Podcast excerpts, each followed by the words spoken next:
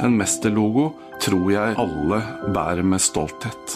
Du får en bil som er ti år gammel, stått i sola, fargen har blitt falma. Den skal du kunne lage en farge som stemmer. Det er et helt unikt håndverk, og det er veldig få som behersker det. Finn din mester blant 70 håndverksfag på mesterbrev.no. Da er du i trygge hender.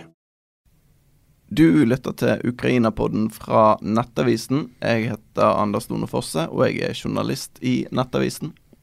Jeg heter Jørn Trund Henriksen. Jeg er ukrainaskribent i Nettavisen og leder av Norsk ukrainsk venneforening. Det er 624 dager siden Russland gikk til en fullskala invasjon av Ukraina, og dermed eskalerte krigen som har vart siden 2014. I dag så har vi igjen fått besøk av stortingsrepresentant og leder av organisasjonen Fritt Ukraina, Peter Frølich. Veldig hyggelig å være tilbake. Sist gang du var her, så fikk vi høre om artilleriangrep både eh, bak og foran deg, og om kjøreturen i 100 km i timen på en gjørmete traktorvei for å ikke bli et lett mål, ifølge ditt eget sitat. Nå har du nylig vært i Kherson-området, som eh, bare er et lite sånn elve-delta-område eh, under frontlinjen. som veldig utgjør frontlinjen. Så vi er veldig spent og litt nervøse for å høre hva du opplevde der. Eh, men aller først eh, så skal vi til fronten, eh, Jørund. Vi skal kanskje til Kherson òg, men eh, hva, hva, er siste nytt? Ja, vi skal i hvert fall snakke om fronten. Peter har jo vært der. Men det er jo hovedsakelig to plasser det, det skjer mye i Ukraina nå. Eh, først er Avdivka. Der er russerne på fremmarsj. de gjennomfører store angrep. det er ulike rapporter nå om at de har samla 40 000 soldater og er klare til å gjennomføre eh, nye angrep. De som har sett på kartene, ser jo at det er en, en by som har vært delvis, altså sånn nesten halvmåneomringa, hvis man skal si det sånn, over lang tid. Eh, og russerne angriper både fra sør og fra nord i håp om å klare å omringe byen helt. De har hatt lite fremgang i sør, men noe fremgang i nord. Eh, en av de problemene som Ukraina sliter med på denne fronten, er at de mangler artillerigranater. Akkurat den typen 155 eh, mm artillerigranater som produseres på Raufoss her i Norge, og der vi fortsatt ikke har eh, klart, etter ett og et halvt år med krig, å gjøre et vedtak om å bygge en produksjonslinje til her i Norge. Så det er en direkte link eh, til Norge og, og til fronten der. Skrev, skrev om Avdivka allerede 12.10, mm. eh, for snart en måned siden. Og mm. hvis du sammenligner frontlinjen da med nå, ja. det er så små bevegelser. Ja. Det, det er Russerne har, som du sier, en bitte liten sånn fremgang, men det er fremdeles Altså, det går så treigt at du Hvis du bare kikker kjapt på de to kartene og sammenligner det Hver gang jeg skriver om det, så pleier jeg å legge inn begge, ja. begge kartutsnittene, så du kan sammenligne det sjøl det er umulig å se det, forskjell ved det nakne øyet omtrent. Det er veldig lite som har skjedd eh, sånn metermessig. Russerne har mista enormt mye folk, men det er likevel en veldig utsatt situasjon. Så at selv om russerne har tatt lite område, så er likevel situasjonen ganske prekær for ukrainerne. Det skal ikke så veldig mye til hvis de krysser den jernbanelinja som er der eh, nå, og tar en sånn eh, fabrikk, et industriområde på andre sida av den så har de effektivt kutta av alle forsyningslinjer inn til Avdivka. Og da er i prinsippet ukrainerne tvunget til å eh, trekke seg ut. Så det er ikke så fryktelig mange meterne som skal til. Men de har mista så utrolig mye utstyr at det er stort sett sånn menneskelige bølgeangrep som, som står foran de nå. Og det de trenger for å stoppe det, er artilleri. Sånn at eh, det er frustrerende at eh, Vesten i stort ikke har klart å bidra mer med artillerigranater dit, og at vi har et ansvar her i Norge som vi ikke har klart å ta. Etter noen samtaler med ukrainske soldater, eh, så kan jeg bekrefte at eh, de er veldig bekymret for situasjonen der. De eh, føler vel på mange måter at dette er en repetisjon av Bakhmut-situasjonen. Mm. Hvor russerne til tross for enorme tap gradvis og seigt klarer å spise seg inn i eh, området og ta akkurat de nøkkelposisjonene som gjør forsyningene vanskelig. Mm. Så det ukrainerne må ta en prinsippavgjørelse på nå, er om de skal stå og fighte i Avdivka. Det vil koste mange ukrainske liv. Eller om de skal trekke seg ut og spare troppene sine for en annen dag. Det dumme med det er jo at dette er, i motsetning til Bakhmut, så er Avdivka strategisk mye viktigere for Ukraina. Mm. Det er, har en nærhet til Donetsk by. nærhet til Donetsk flyplass. Og det vil være i tillegg selvfølgelig et gigantisk prestisjenederlag å miste dette området. Mm. Så jeg er ikke sikker på hva, hva, de velger. Og jeg kan vel si såpass uten å avsløre for mye at de sender um, betydelige forsterkninger til, til området. Og uh, en del av de jeg snakket med, skulle sette seg i bil og kjøre i retning av Livka. Så får vi se om de kommer tilbake igjen i levende live. Vi krysser fingrene. Var ikke det noe vi snakket om, Jørn, i starten av denne russiske offensiven? At de ikke forsterket denne eh, byen så voldsomt? De gjorde ikke det i begynnelsen. Og det her er jo, som vi har snakka om hele tida, eh, det som har pågått gjennom hele sommeren, er jo at både Ukraina og Russland prøver å få den andre sida til å bruke opp reservene sine.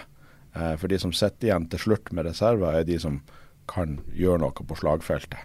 Eh, og vi hadde jo håpa at Ukraina skulle få et eller annet slags gjennombrudd langs fronten som gjør at de kunne pøse på med reserver og, og, og utvide eh, det gjennombruddet. Det virker ikke sånn at vi får det i nærmeste fremtid, så det kan jo være at det er noen av de styrkene som, som Ukraina setter inn. Men det er klart, eh, noe av det Russland ønsker å få til med det angrepet, i tillegg til å ta av, av Divka, er jo å avhjelpe andre frontavsnitt. Eh, med at eh, Ukraina skal eh, dra styrker derfra til Avdivka. Og Det bringer oss ut til den andre delen av fronten der det skjer noe, som er Kherson, der Peter nettopp har vært. Der har Ukraina kryssa Dniperelva på stadig flere plasser og setter de russiske styrkene der under press. Og De er mindre forberedt, russerne, her enn de er på andre områder. De har ikke store forsvarsverk og, og minefelt, og blir pressa tilbake, selv om Ukraina stort sett bare har lett infanteri der. Og så er det vanskelig å si om planen til Ukraina er å starte et, et stort brohode der og så få tyngre skyts over og presse russerne nedover, eller om det her er for å trekke russiske styrker fra andre frontavsnitt til Kherson. Eh, det kan hende at de ikke engang har bestemt seg for hvordan av de to de skal gjøre. Men det er i hvert fall eh, en av få områder langs fronten der det er en del bevegelse og ting ikke er fastlåst. Så det er Kherson-området er et veldig viktig del av, av eh, fronten akkurat nå. Mm. Det er jo et år siden eh, byen ble frigjort, og nå kan altså eh, det området bli det nye som eh, der ukrainerne avanserer. Mm. Det får bare tiden vise. Men desto eh, viktigere er det jo å ha deg på besøk i dag, for du eh, var jo der, Peter. Um, fortell litt. Eh, hvor nærme, som sagt, denne elven, dette delta, elve, utgjør frontlinjen, eh, mer eller mindre akkurat nå. Hvor nære var du den? Vi holdt oss på trygg avstand, og det er rett og slett eh, fordi at det var enormt med artilleriaktivitet og eh, flyaktivitet fra russisk side. Så vi får si såpass at vi var i regionen og um, innenfor uh, rakettrekkevidde, innenfor dronerekkevidde. Men uh, akkurat det å være innenfor artillerirekkevidde, det var vi veldig påpasselige med å ikke være. For det ville vært dumdristig. Det var, det, altså Byen er en spøkelsesby. Den er mer eller mindre nå forlatt. fordi at russerne har terrorisert den byen i over et år. Drept veldig mange sivile og gjort det til et ulevelig område. I tillegg har ukrainerne flyttet inn betydelige styrker nå, det skal vi være eh, klar på. Det, vi bryter ikke noe sånn operasjonelle eh, sikkerhetsregler ved, ved, ved, å avsløre det. Eh, det er den troppeoppbyggingen der som russerne nå bekymrer seg veldig for. Så eh, er det jo sånn at eh, å krysse elven er en en, eh, ganske, det, det, krever en spektakulær innsats. Det er en, en logistisk egentlig et mareritt. Det vet vi fra all historie med krigføring. Amfibiske operasjoner, elvekryssinger, er kjempevanskelig. Eh, men de kjører på. De eh, går frem og tilbake, frem og tilbake, frem og tilbake med små gummibåter, eh, primært. Og har også tap, det skal vi være klar over. De er utrolig utsatt når de sitter i en liten gummibåt overlastet med tungt eh, personlig eh, utstyr på seg. Blir de truffet, så går de rett til bunns. Og, eh, og det, det, er ingen lett situasjon å være i for ukrainerne heller. Men de er modige, de er motivert. jeg vil si at de har god spirit. Og um, dette tror jeg er en operasjon vi skal holde et nøye oppsyn med. Det er noe annet enn det de hadde i sommer. Da vet vi at vi, de gikk over, eh, angrep, tok russere til fange, eh, tok ut eh, russiske tropper, eh, troppekonsentrasjoner, og så trakk de seg ut igjen. Denne gangen blir de værende. De biter seg fast, de graver seg ned.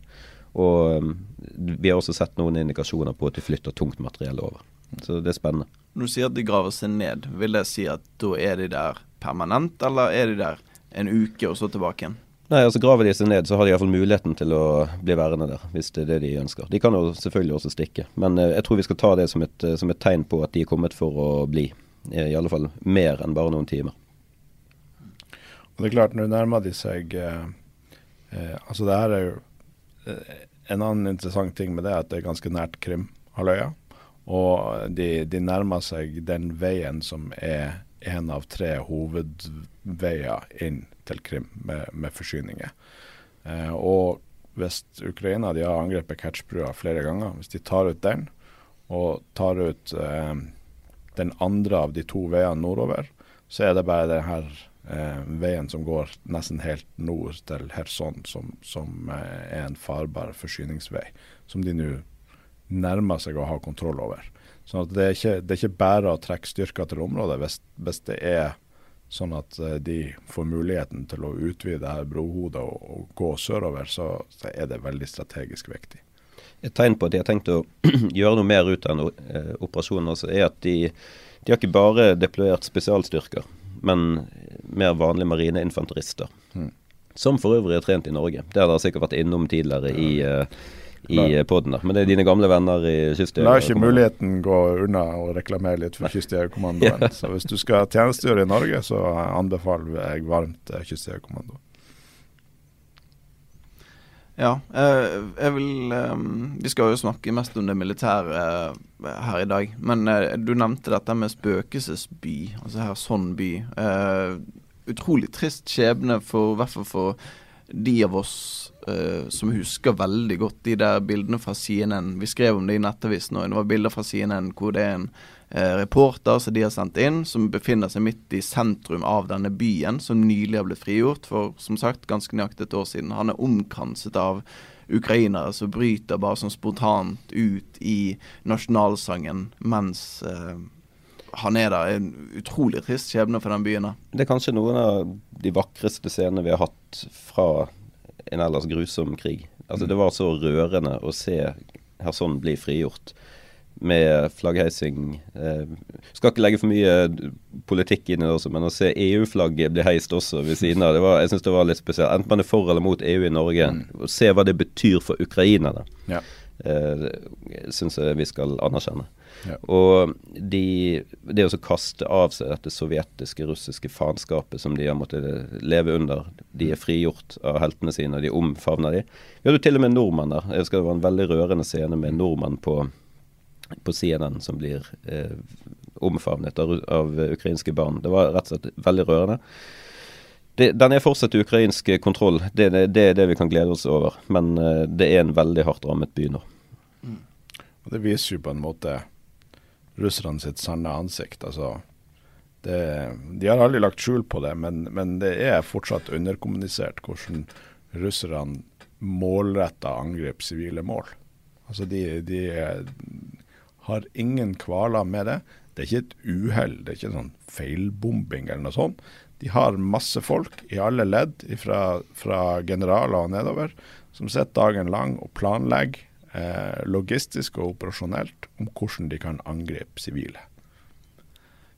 Altså, det er jo eh, utrolig trist å måtte si det jeg skal si nå, men når du sitter i en nyhetsredaksjon, og det kommer inn en melding om at ok, to personer er døde, om det er her sånn eh, fylke, eller om det er i eh, byen. sant? Rett etter frigjøringen så meldte vi det hele tiden. Nå, mm. nå bomber de den byen de nettopp har frigjort. Mm. Uh, Ukrainerne har frigjort.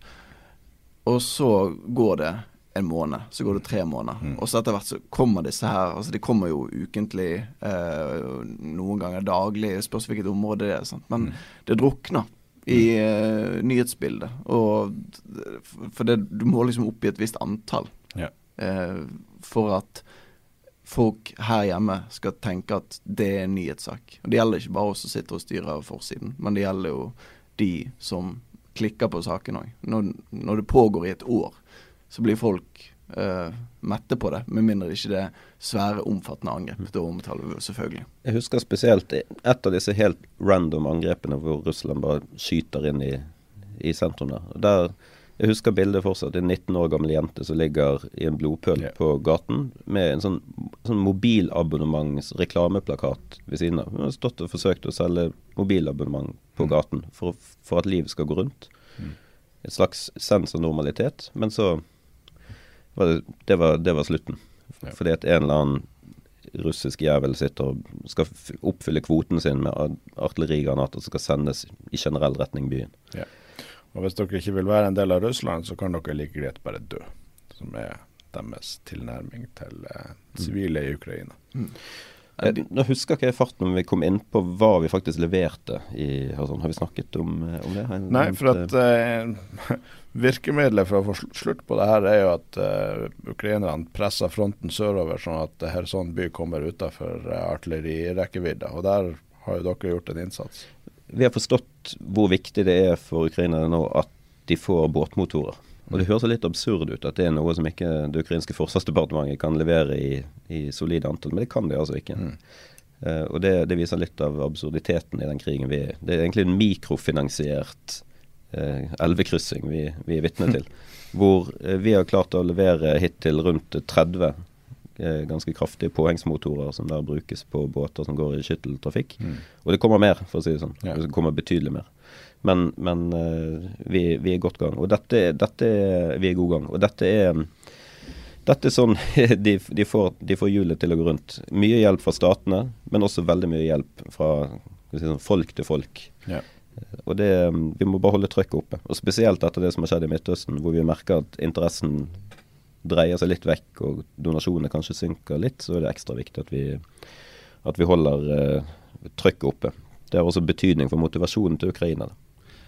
Jeg har jo fått et uh, lytterspørsmål fra Øyvind her, uh, som uh, ja, Det er ganske langt, men jeg tar et lite utdrag. Han skriver at han har en svigerfar i Kharkov, og derfor sender han ofte hjelpepakker i den retningen. Som også, han skriver takk til det norske postvesenet, som sender gratis post til Ukraina.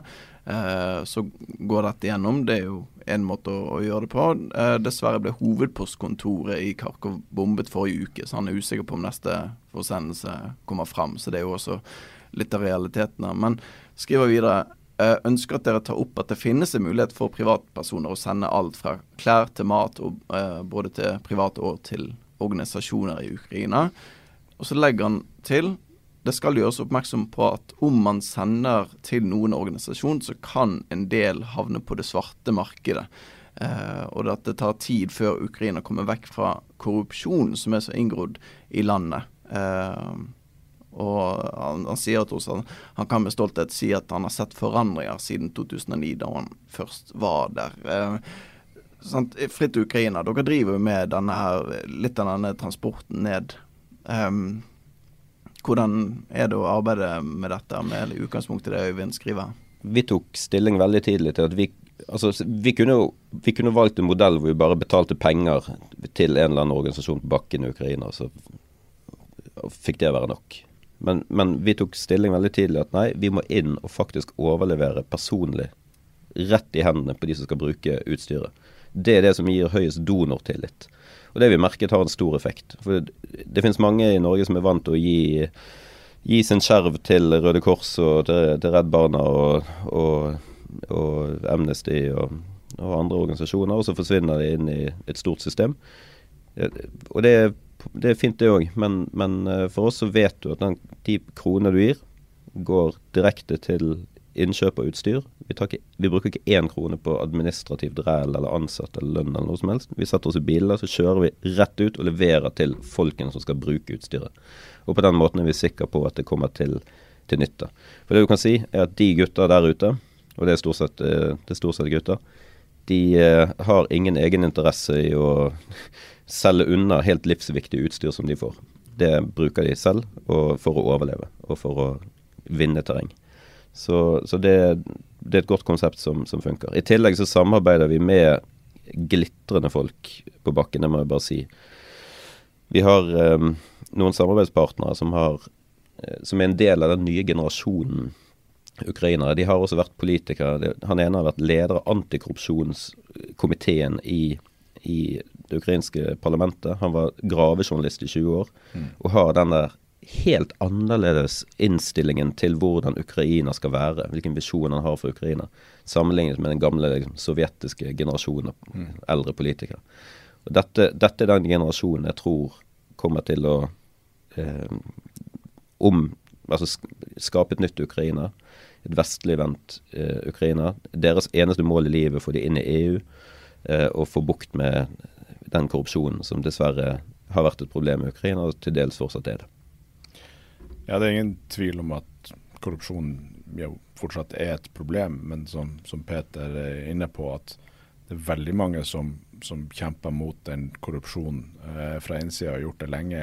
En av de som eh, Norsk-ukrainsk venneforening har samarbeidet mye med, eh, som, som, jobber mye med F-16-koalisjonen nå politisk. Eh, deres bakgrunn er at de har for flere år siden starta en, eh, en sivilsamfunns antikorrupsjonsorganisasjon. Eh, og, og, det er fordi at ja, Korrupsjon er et problem i seg selv i alle samfunn, men særlig i Ukraina så har jo korrupsjon vært et verktøy for russerne å holde kontroll. Eh, både med å påvirke direkte, men også å bryte ned tilliten i det ukrainske samfunnet.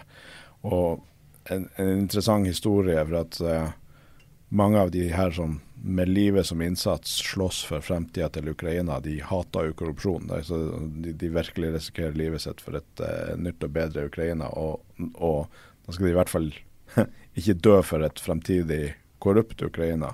Så en historie jeg hørte var noen som skulle krysse grensa, og så fortalte de at når de kom frem at de hadde delt ut uh, godteri til grensevaktene.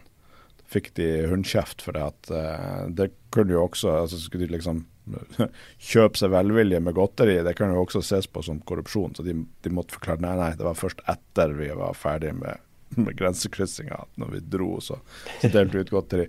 Og det, det, høres jo litt sånn absurd ut, for at godt, godteri er jo ikke korrupsjon, men, men, men så tydelig er liksom de her folkene som som, eh, som jo vil ha en ny og bedre fremtid. Og når de heiser EU-flagget, så er det jo for at de vil til en annen virkelighet enn det de har levd i tidligere. Mm. Peter, du må jo ha møtt på en god del personer på disse reisene dine. Er det noen eh, spesielle du har lyst til å dra fram? Ja, du møter veldig mange sterke personligheter innenfor spesialstyrkemiljøet, innenfor militæretterretningen i, i Ukraina. Jeg gleder meg å fortelle historien én gang når denne krigen er vunnet. Det er ikke alle jeg kan, kan fortelle om nå. Men en av de vi traff nå på turen, er jo en komplett legende. De som følger spesielt godt med på krigen, har kanskje hørt om Magyars Birds. Det er en enhet med dronepiloter egentlig en slags spesialavdeling med drone, dronepiloter som um, har en eksentrisk leder, for jeg vet ikke, jeg klarer ikke å finne bedre uttrykk. Han heter Robert Brovdi, men er bare kjent da som Magiar. Og han har da laget Altså, det er blitt, det er blitt på en måte et internettfenomen. Hans videoer når han tar ut Og de, disse folkene tar ut hundrevis på hundrevis av russiske kjøretøy og troppekonsentrasjoner med FPV kamikaze-droner. Eh, men han lager da intro, sånne litt sånn forsøksvis pedagogiske eh, gjennom, altså videobriefer, hvor han går gjennom med en sånn pekestokk, som da har fått kallenavnet The Stick of Doom eh, på, på, nettet. Hvor han da peker på hvordan de jobber, og her er, her er den og den posisjonen vi tar ut, og her er det, og, og så peker han og styrer på. Og når, eh, når, de får inn fulltreffere, så brøler han ut i ekstase 'jagga, jagga'. eller 'bada boom'. vi, vi, tar og hører litt på hvordan det høres ut. Прямо на трассе. Ебать! Бада-бум, джага-джага, мазафака! Ото влучання! Джага-джага! Опа! І зразу потрапляння. Ми були праві. Ось вам і детонація. Добре. Урила сосна палала. Helt, helt, helt absurd på en måte, men også akkurat det ukrainerne trenger nå. De trenger helter, de trenger legender, litt sånn mytiske eller mytologiske nesten personligheter. Eh, altså Når vi fortalte rundt omkring i Ukraina at vi hadde, vi hadde sittet og spist lunsj med Magyar, så blir det jo helt store i øynene. Sånn, wow! For han her er en, eh, han er en kjendis i, i, i, Ukraina. Han får selvfølgelig Han har enorme resultater og kan vise til um, Kan vise til, til veldig mye god statistikk. Uh, han er også omdiskutert og kritisert innenfor uh, enkelte miljø fordi at han har veldig høyt forbruk av droner. Han er en offensiv kommandant han holder ikke igjen på utstyr. Han, han, han sparer ikke på droner. Der noen droneenheter kanskje ville brukt fire eller fem kamikaze-droner i ett anslag, så bruker han 20. Han, han, han, sparer ikke på noe som helst. Han vil ha offensivitet. Eh, han vil heller at du waster eh, noen droner i et forsøk på å ta ut russerne. Det gjør også at russerne er livredd for denne fyren. Eh, og, og, dermed har han også klart å opparbeide seg den litt mytologiske eh, posisjonen. Et, eh, de videoene er jo også et godt eksempel på psyops. For at uh, det er jo ikke bare ukrainerne som blir motivert av å se de her uh, videoene. Russerne ser de jo også, og som Peter sier, blir, blir full av frykt. Du kan jo tenke deg du sitter i en, en skyttergrav og hører at denne fyren er i området. Så sitter du og frykter at han han sitter en eller annen plass og, og roper det vi nettopp hørte, og er redd for å sjøl bli en del av neste video. De dyrker det jo også, så jeg fikk jo hjem en, en, hyggelig hilsen. Et par sokker. På den høyre sokken står det 'Jaga Jaga', på den venstre står det 'Bada Boom'. så det er jo en, ja, en, en fascinerende side av en, uh, av en uh, sammensatt, eksentrisk karakter. Man må jo kanskje være litt spesiell for å jobbe altså, så tett på en krig. Altså, jeg, jeg merker jo bare man sitter her i Norge og jobber med det, så det er jo gravalvorlig og tragisk og katastrofalt, men du får jo et litt sånn annet forhold til død med å jobbe så altså, vi, vi, jobber ikke tett med det i hele tatt. Vi sitter her i Norge og, og i våre varme kontorer og se, følger med på internett og, og, ringer rundt og arbeider på den måten. Men ja. når du jobber så tett på det, du må jo bli om ikke ødelagt, så i hvert fall litt spesiell. Ja da, altså det er helt klart. Dette vil jo sikkert fremstå liksom usympatisk eller umusikalsk for folk som sitter i trygge i, på trygge kafeer i, i, Oslo og sånt. Men, men, man må forstå den eh, hverdagen de har, det livet de har. Den nærheten til død og egen eksistens Altså, deres egen eksistens kan opphøre i neste timen. De vet aldri mm. når de mister venner, eller når de selv eh, blir tatt. Og det påvirker selvfølgelig hele synet på livet. Det, det, er vel det som heter god gammeldags galgenhumor. Det er vel mm. egentlig det dette er. Og litt sånn fanivoldskhet. Men, og da kommer jeg over til dagens serietips. Det er fredag, vi går inn i helgen. Og hvis folk mangler en TV-serie å se på eh, Gå inn på HBO eh, Max. Er det den heter nå? HBO, Den døpte seg om til HBO Max. Der er det en serie som er underkommunisert egentlig i Norge. Den heter Rogue Heroes. Rogue Heroes. Og den handler om opprettelsen av SAS under andre verdenskrig som jo i dag er kjent som en legendarisk eliteenhet. Det er vel kanskje verdens beste elite spesialstyrker. Men den, den, enheten ble opprettet på et tidspunkt hvor de allierte holdt på å tape krigen. De var presset på defensiven. Alt så mørkt ut. Og da trengte du de som er 20 gal i hodet, mm. eh, til å, å, å, rett og slett gjøre det uventede. Gjøre det som er, virker ut fra konvensjonell eh, ut fra at konvensjonell tankegang virker helt, helt uh, uansvarlig og meningsløst. Men det er nettopp de som kan snu krigen. Mm. Og, og, Rogue Heroes er en fantastisk morsom. Så er det en blanding av Band of Brothers og Snatch. jeg klarer ikke å beskrive det på en bedre måte. Uh, men den er, den er, veldig kul. Forteller historien til disse galningene som grunnla SS. Og Magiar minner meg litt akkurat om disse folkene her. De gjør ting annerledes, de gjør ting på sin måte, og på den måten motiverer de og skremmer livskitten ut av eh, fienden. Ja. Og Det er jo norsk historie inni det her. Jeg, har ikke sett serien, jeg skal ta til meg tipset, så jeg vet ikke om det er behandla i det. Men en, en, del av de tingene de gjorde når det så som mørkest ut i andre verdenskrig, var jo å, å herje i Norge. Vi hadde Lofotreidet. Eh, en av de tingene som skjedde der, som ikke er så kjent, er at de fikk tak i den første kodeboka. Eh, for det var en, eh, en tysk armert tråler der de fikk ødelagt maskinen, men ikke kodeboka, som bidro til å knekke eh, enigmakoden. Sånn at skal aldri det er, ikke, det er ikke bare til pynt og motivasjon, sånne her uh, spesialstyrkeoppdrag sånn som det, og det, det de foregår sør for Kherson nå. Det kan, kan være små, små, angrep som har avgjørende effekt på krigen. Mm. Ja, nei, altså selv sånne katastrofale angrep Jeg vet ikke om dere har hørt om Dieppe kjemperaidet under mm. andre verdenskrig, mm. men hvor de bare plutselig bare Jeg husker ikke, jeg tror det var et par år før det dagen. Men de bare sånn Ja, nå tar vi en sånn spesialoperasjon på det franske, mm. tyskokkuperte fastlandet. Og 3000-5000 soldater døde, jeg husker ikke i farten, men det var flere tusen. Det er riktig. Det, jeg lurer på om det var, jeg tror det var 42, og det var jo en test det dag. Mm. Canadierne var vel de som led størst uh, tap, men også en altså en, På en måte en hodeløs greie, men de fikk også nyttig, nyttig erfaring. Jeg tror ukrainerne har nok dessverre hatt noen sånne også. De har hatt noen elvekrysninger som har gått salig til helvete, for sorry språkbruket, men det har gått ordentlig gale. Mm. Det kommer vi, Jeg har hørt litt prat om dette når vi har vært nede i Ukraina. Jeg vet ikke hvor mye av det som er offentlig, men jeg tror etter krigen så kommer vi til å høre om både de store toppene og de store bunnene. Og de har hatt en del av de en del sånne operasjoner som har gått rett og slett veldig, veldig gale. Og, um, men de må ha det også. De, de, lærer, de lærer, den harde veien. Ja. Hvor mange turer har det blitt på deg nå? Dette var niende. Eh, hva er forskjell på den første og den niende turen med tanke på dine tanker rundt oppholdet? Altså Hva tenkte du første gang du var der, og hva tenkte du nå den niende? Ting er jo blitt mer eh, rutine. Du vet hva som er farlig, hva som ikke er farlig.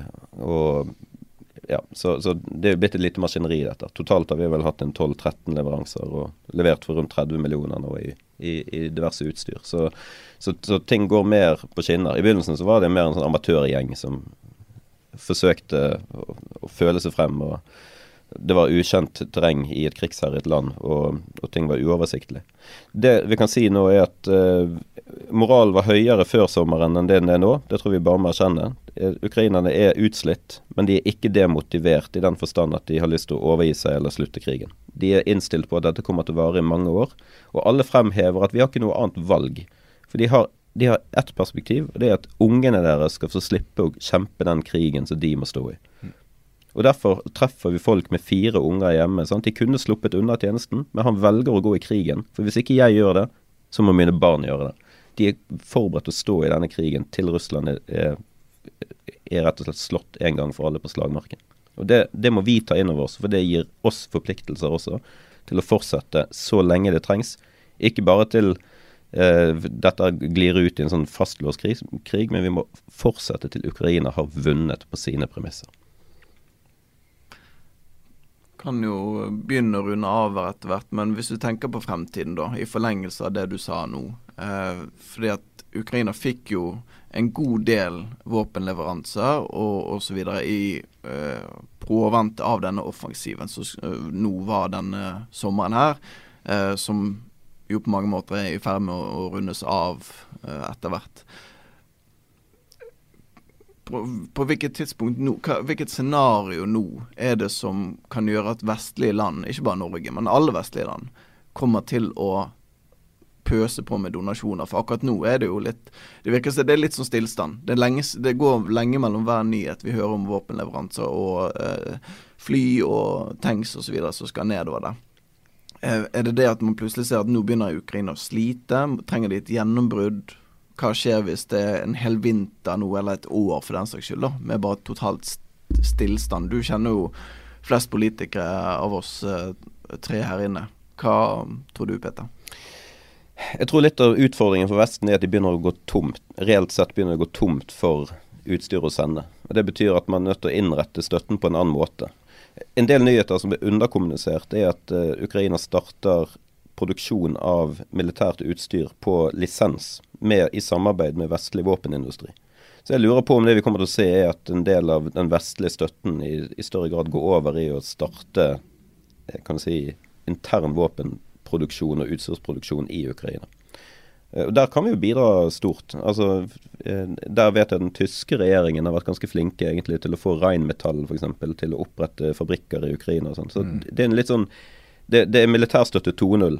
Ja. Eh, så jeg tror vi kommer til å se litt mer av det, og litt mindre av dette at vi gir av reservelagrene våre. For det er strengt tatt ikke så veldig mye igjen. Det kan vi klandre vestlige politikere for. Mm. Det er jo en vekker til, til, oss selv.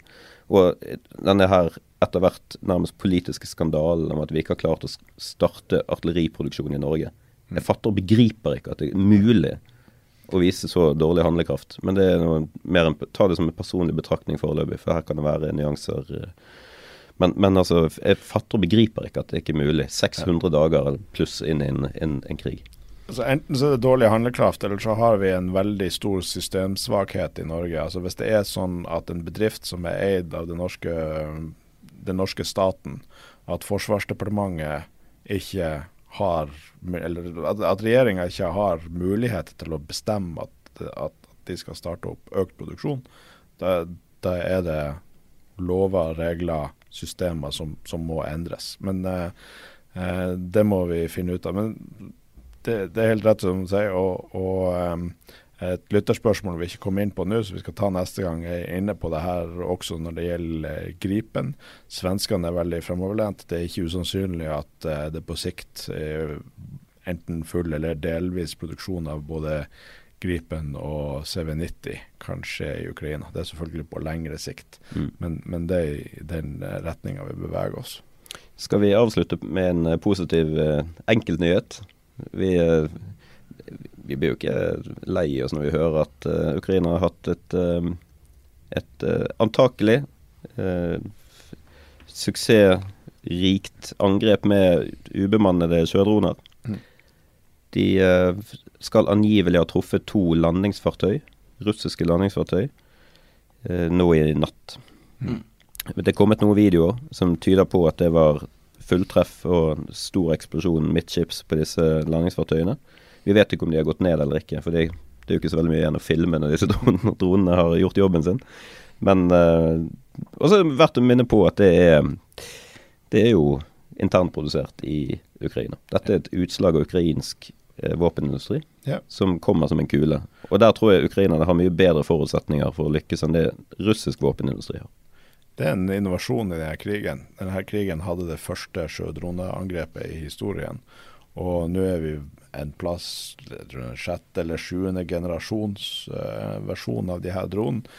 Får bli stadig bedre kapasitet, uh, våpenkraft og, og, og uh, og ting de kan gjøre. Noen av de kan til og med dykke. Eh, så det, det, er ekstremt spennende og vil påvirke måten vi tenker sjøkrig på for alltid. Eh, Ukraina, som basically ikke har en marine, har fjerna den russiske svartehavsflåten fra store deler av Svartehavet. Og Det er spesielt interessant at de går etter landgangsfartøy av denne typen. For som vi nevnte litt tidligere i denne episoden, hvis Ukraina på et eller annet tidspunkt bestemmer seg for å kutte de tre eh, pulsårene inn og ut av Krim, som de har kapasitet til å gjøre. Det at de ikke har gjort det nå, er for at de har ikke, at de har ikke bestemt seg for å gjøre det enda.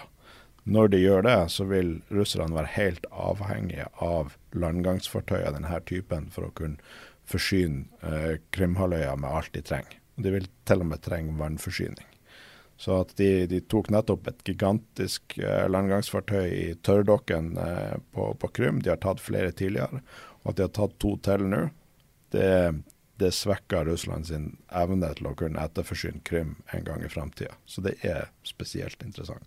Mm. Landgangsfartøy av typen Serna, som eh, skal ta opp mot eh, 45 tonn med last og 92 eh, personell. Mm. Så eh, to av de har angivelig eh, blitt eh, truffet. Og som sagt, vi vet ikke nøyaktig hvor mye, men eh, er ingen tvil om at de, at de, de sliter om dagen, Svartehavsflåten.